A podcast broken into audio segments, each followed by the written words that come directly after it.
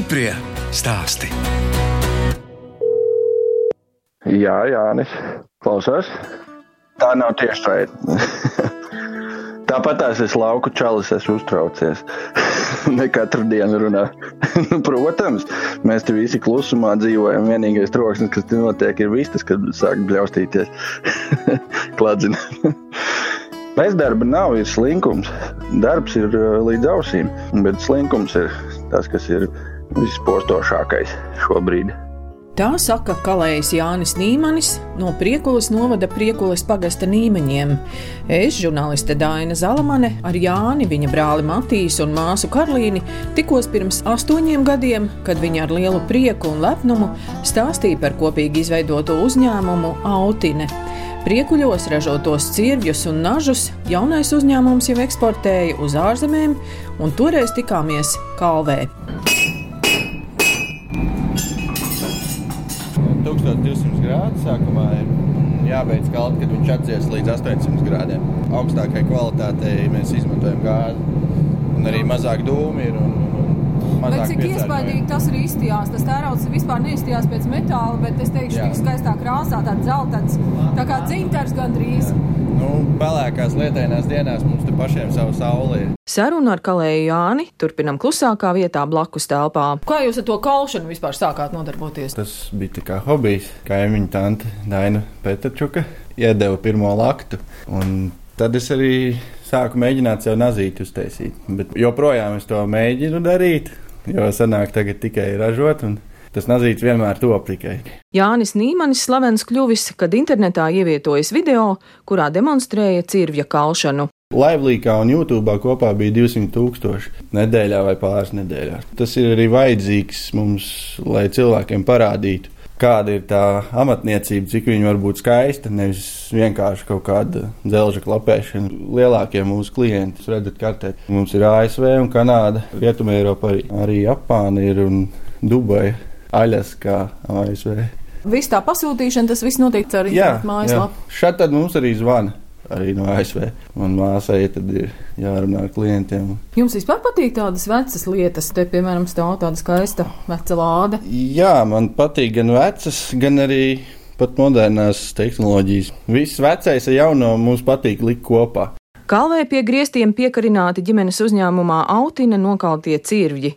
Cik tie ir dažādi, stāsta Matīs Nīmanis. Domāts koku garšanai. Viņš ir uz garu kātu plānu asmeni. Viņam būtu tāda caursitamība koka.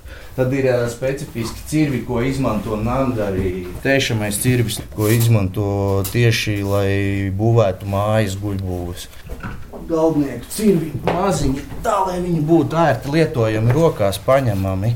Šīs modelis mednieku cirvis mums ir specifisku aizmuguri, kas ir paredzēts, lai atdalītu ādu no dažādiem taukiem un piemaisījumiem. To izmanto Amerikas mednieki. Cirvi miesniekiem ir kam ir plats asmenis tieši gaļas sadalē, izmanto arī daudz mednieku uz dzīvniekiem. Tā nav tikai metāla daudzīšana, tas ir uh, vesels apstrādes process, kur ir jāzina. Sākot ar metālurģiju, beidzot ar ķīmiju, ir jāsaprot materiāla īpašības. Seksim, Jānis, kāpēc viņš ir tik unikāls? Tāpēc, ka viņš ļoti daudz mācās kā to materiālu apstrādāt, kā no tā tērauda dabūt ārā labāko. Ja, ja mēs skatāmies uz to cirvi, liekas, ka tur nekā it kā nav, ka nažos ir daudz vairāk darba ielikt, bet patiesībā katrs no tiem cirviem ir laminēts. Viņi sastāv no diviem metāliem. Kalējs Jānis Nīmanis rāda nažu sagataves. Šis ir augstošs tanču tērauds. Tas ir ļoti, ļoti nodalumi izturīgs. Un šis ir damaskas tērauds. Mēs viņu mīlam saukt arī Latvijas kodā nosaukumā par rakstmetinātu tēraudu.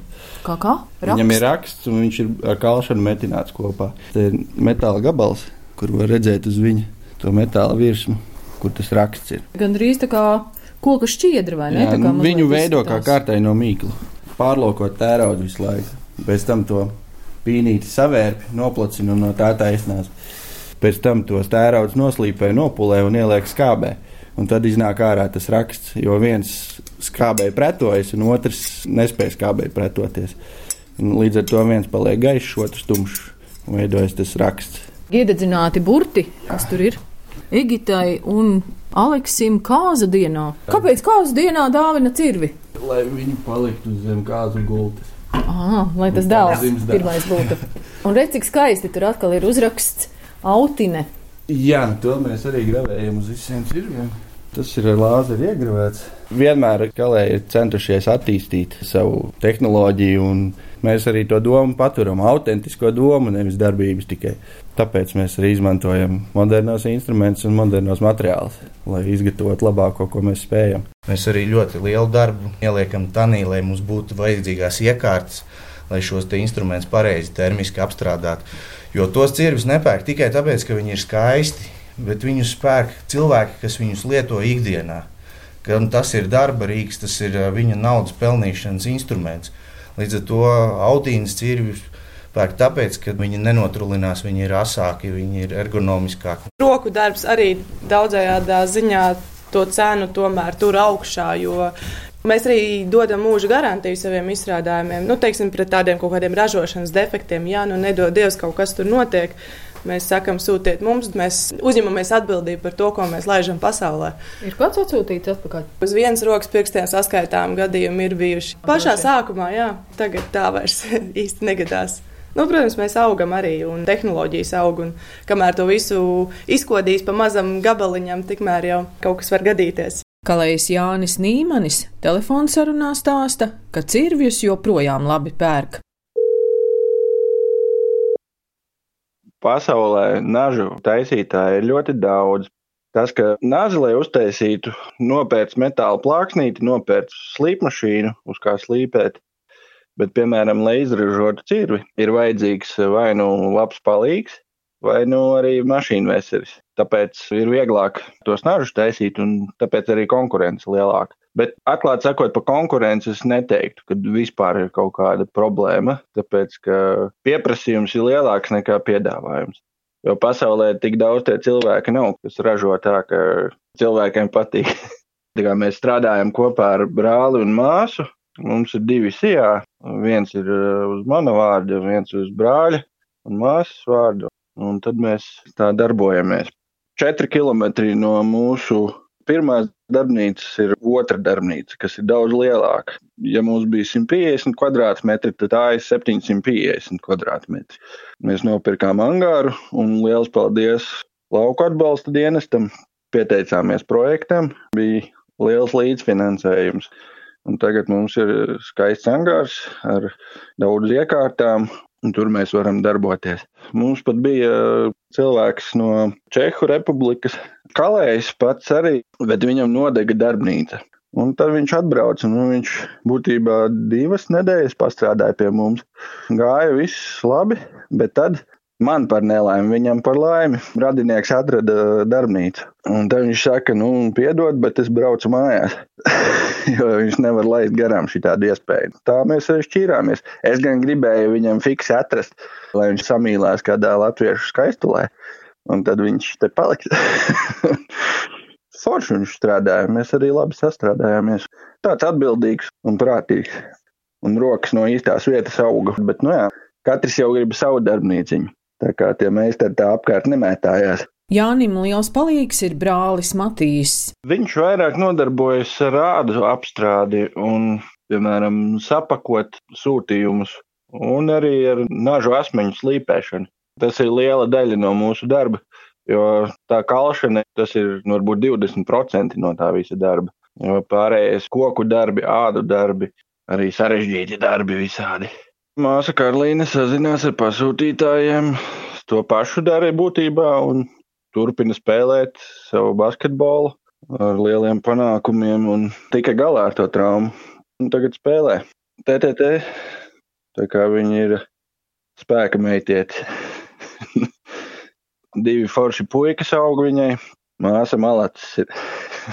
Jānis Nīmanis stāsta, ka vajadzētu uzfilmēt vēl kādu mācību video par kalšanas procesu. Es pats esmu mācījies no interneta daudz, un es gribētu arī dot atpakaļ, lai jaunie cilvēki mācās amatu, nevis tikai vietu tālruņus glāstīt.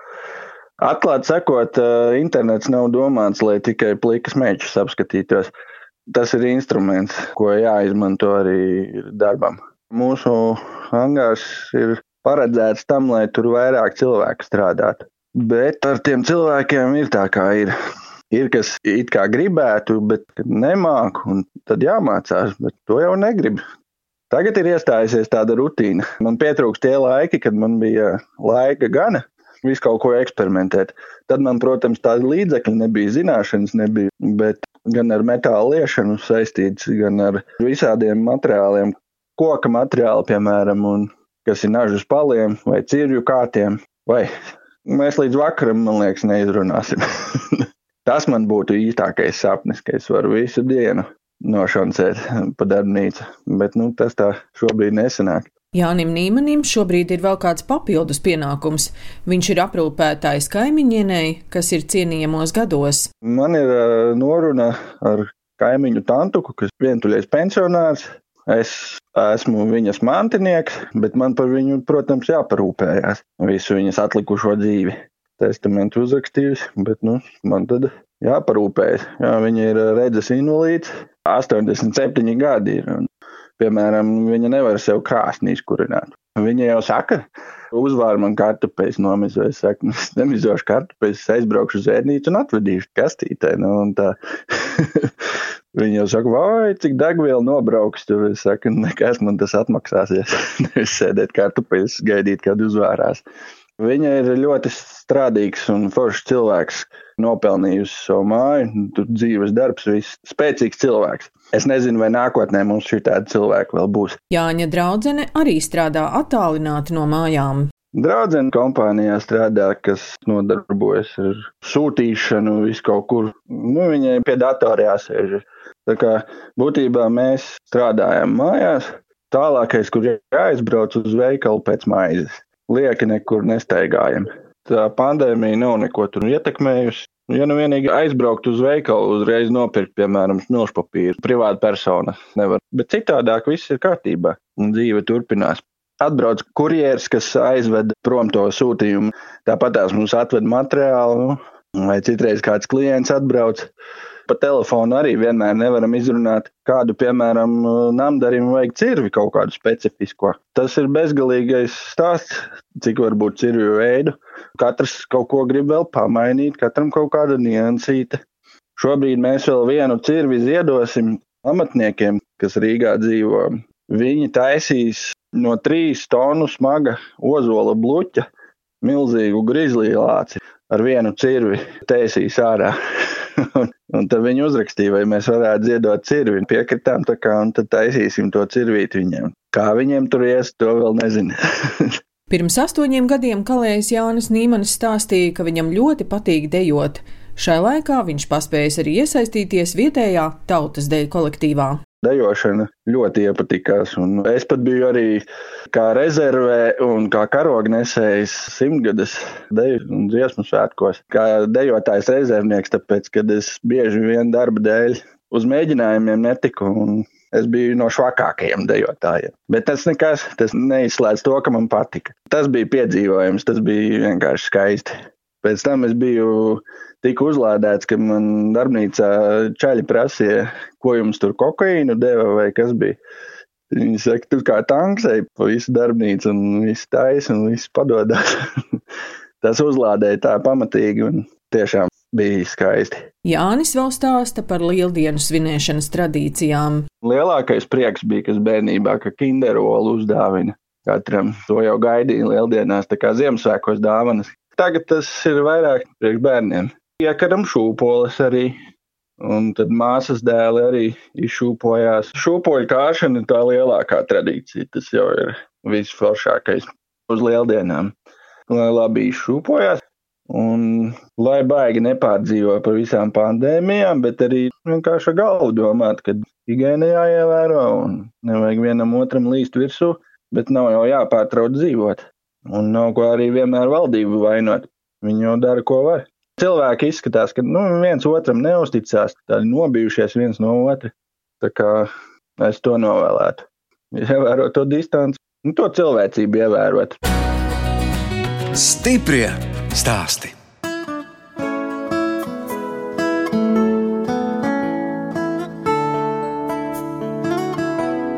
Jūs klausāties redzējumu stipri stāstī. Redzējuma turpinājumā sazināsimies ar Valkas novada ērģemes pagasta zemnieku saimniecības kurģi īpašniekiem Lauru un Kristapu Buļļiem. Pirms diviem gadiem viņi audzēja desmit zirgus, gan poniju, gan poļu mazo koniku, gan Latvijas ārdeņus. Latvijas ārdeņs kā tāds ir palicis ļoti, ļoti kritiski maza. Tad tagad atradām pāris tos īpatņus, 15 ķēvis pa visu Latviju un 4 ērzeļi tikai. Jau izmirst, tāpēc, ka viņi sportam īsti nedara. Jā, Tik tagad jau ir pārsvarā, jā, sports vai, vai nu, Jūs jau arī neizmantojat dažus zemes darbos. Nē, Pagaidām vēl ne. Ecešās esam ielikuši un tā augstoties jau jā, bet mums ir lauka turisms un tie te ārdeņi ir ideāli piemēroti jauno jātnieku apmācībai. Tad lēni, vai ne? Jā, nu, pārsvarā Nav lēni. Kaut gan jāša mums ir tāds pierādījums, ka no ārdeņa galīgi nav lēni. Cik tie jums tagad ir tie ārdeņi? Divi uz vietas, un trešais, Trešais ir. Limbažos, ja tas mums ir ērzeles, temors. Aizpagājušajā gadā dzīva pirmais kumeliņš no temora. Tautumeita, kas bija pirmais programmas kumēšu saglabāšanas, jo tagad ir tā Latvijas ārdeņu saglabāšanas programma. Tāda arī saimniece ir ā, Dace, Tukumpusē, viņa arī ir Latvijas ārdeņi. Un vēl viens tam Benčevam arī Tukums salats. Vai zirgkopji visi viens otru pazīst Latvijā? 90%. jā. 90% mēs viens otru zinām. LSB zirga arī ir saglabāšanas Un programma. kas ir LSB? Tas ir tāds kā ā, sporta zirgs, tikai piezemētāks. Viņš ir tāds tā kā hobija zirgs, tāds nu, spēcīgs. Protams, viņš arī iet sportā un viss, bet viņš vairāk ir ā, veidots, lai viņš būtu universāls. Gan braucams, gan jājams, gan lecams. Tad mums ir arī viena ķēde, tā Sigulda, kur arī ir genofonda un viņai nāk naudiņas katru gadu. Uzturēšanai. Pārsvarā es bērnus mācīju. Mazākam bija četri gadi. Un no kurienes tie bērni nāk?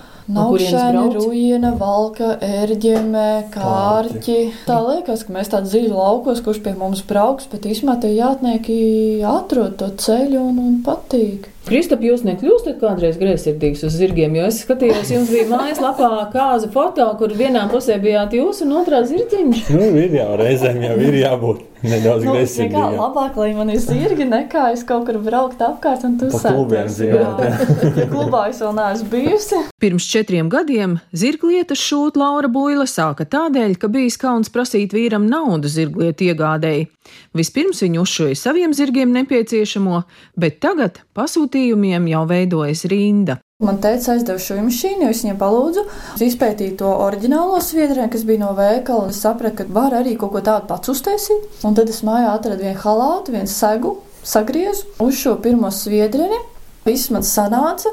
Un tad es, protams, ieliku internetā, Facebookā, un tad nāca otrā, trešā, tad es sāku tamborēt austiņas. Piemēram, sacensībās vasaras laikā tā kā aizsargā no knišļiem, no mušiņām, jo zirgam ausis ir jūtīgas, un arī troksni mazinā, un arī skaisti tas izskatās. Un es taisīju tādus kā komplektus zirgiem uz sacensībām. Un, protams, mēs šīm šīm saplīs viena pēc otras, tās tur parastās.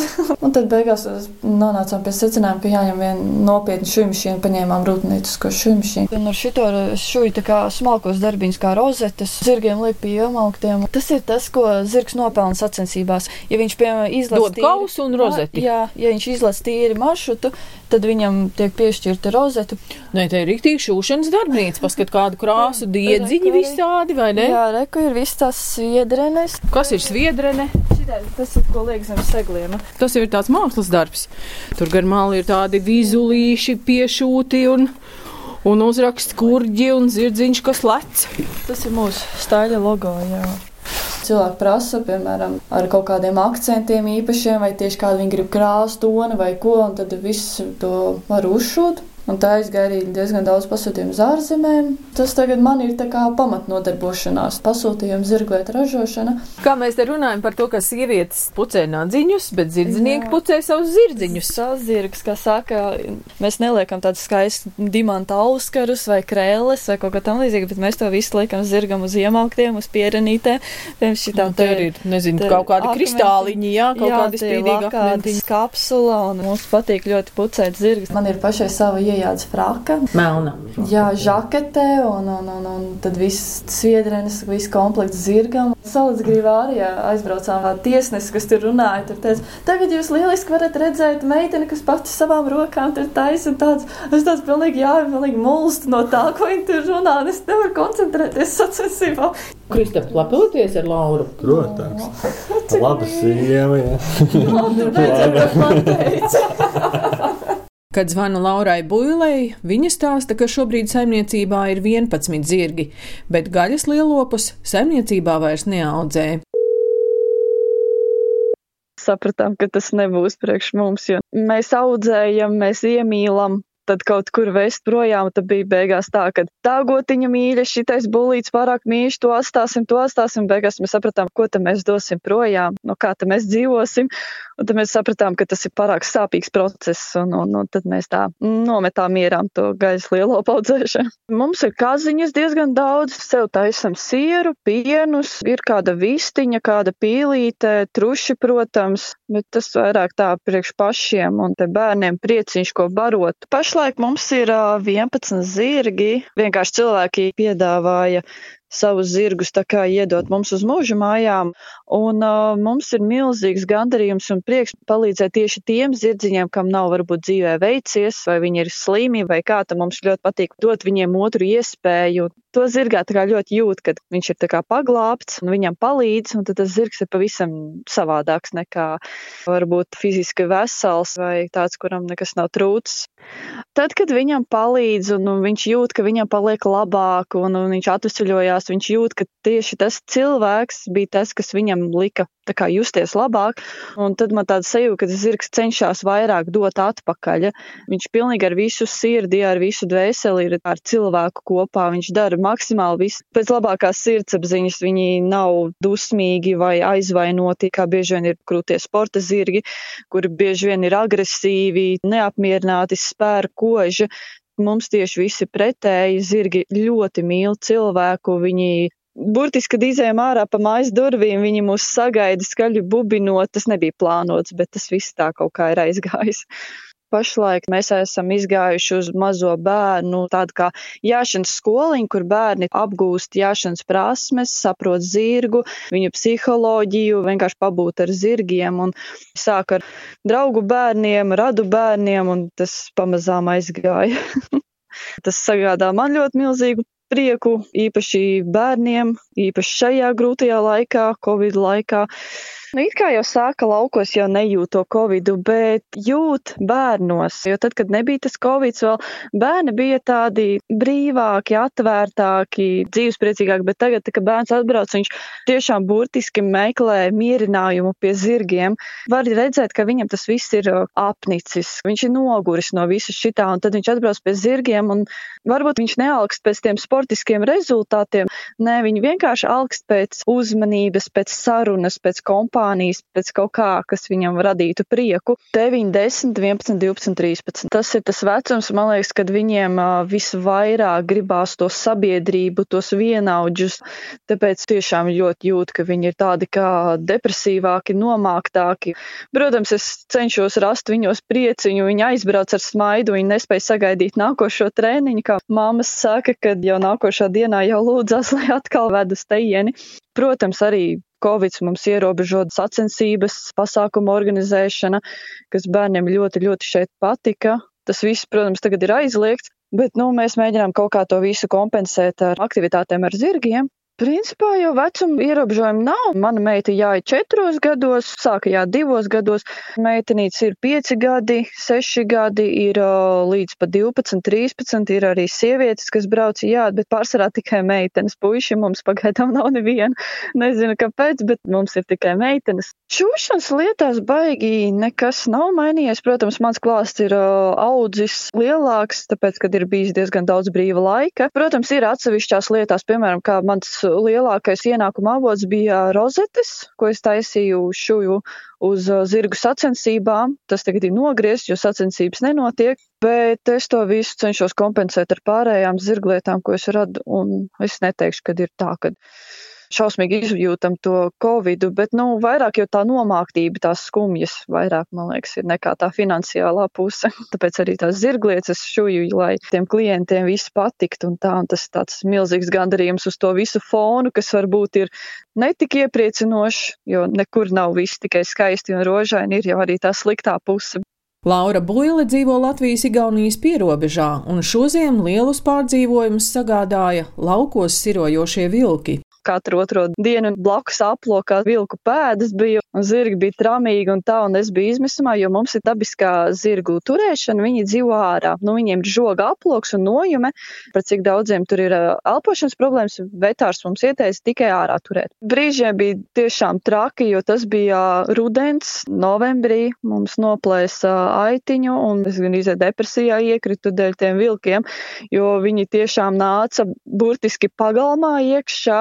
Mēs likām lāzerus un gaismas un mūziku un lentes un ārpēc, ko tik mēs nedarījām. Tāpat tie vilki nāca tuvāk un tuvāk un brīžiem bija diezgan traki. Mums pat nācās meitenēm atcelt treniņus par cik zirgi bija diezgan bailīgi, ka plēsējs ir bijis blakus, bet par laimi neviens zirgs nav noplēsts. Veiksmīgi izturējām to posmu, un tāpēc mums uz nākošo gadu ir jāsagatavojās, jo teicu jau, ka paliks tikai trakāk un trakāk ar tiem vilkiem. Un mēs esam pierobežā, mums no Igaunijas nāk ļoti daudz vilki. Tagad tas vilku limits šaušanas tur ir iztērēts. Kaut kad no janvāra teica vienkārši, nu, jādzīvo kā ir, tā ir.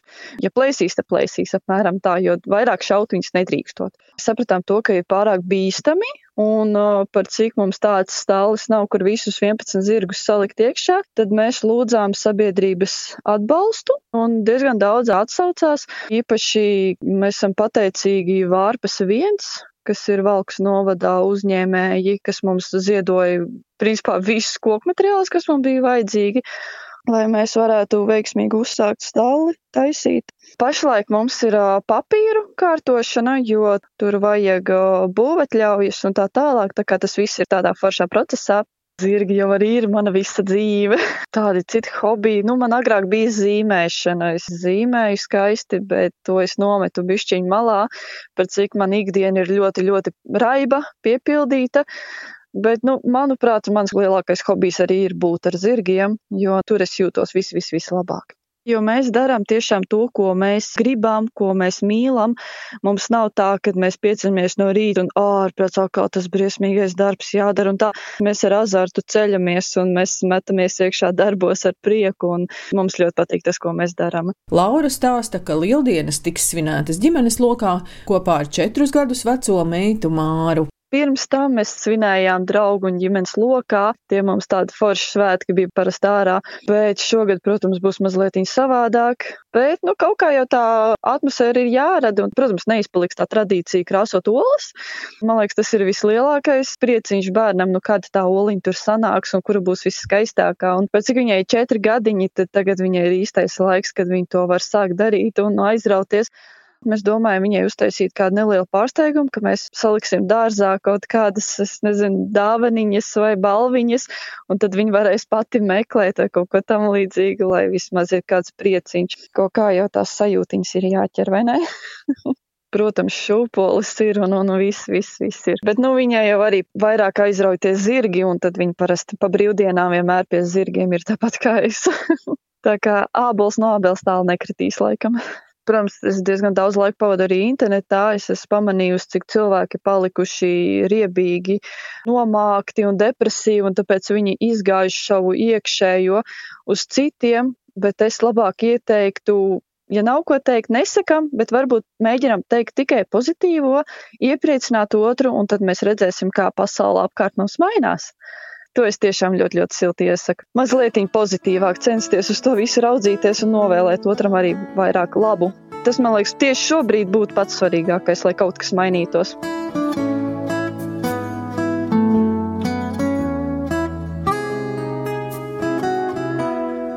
Radījums stipri stāsti izskan. Šoreiz sazinājos ar Lauru Buili, kas Valkas novada ērģemes pagasta zemnieku saimniecībā kurģi, audzē 11 zirgus, šuj zirglietas un māca bērnus jāt, bet kalējs Jānis Nīmanis, priekuļu novada priekuļu pagasta nīmeņos, gatavo cirvjus un nažus. Priecīgas lieldienas vēl žurnāliste Dāna Zalamane un operātore Inga Bēdele. Uz tikšanos!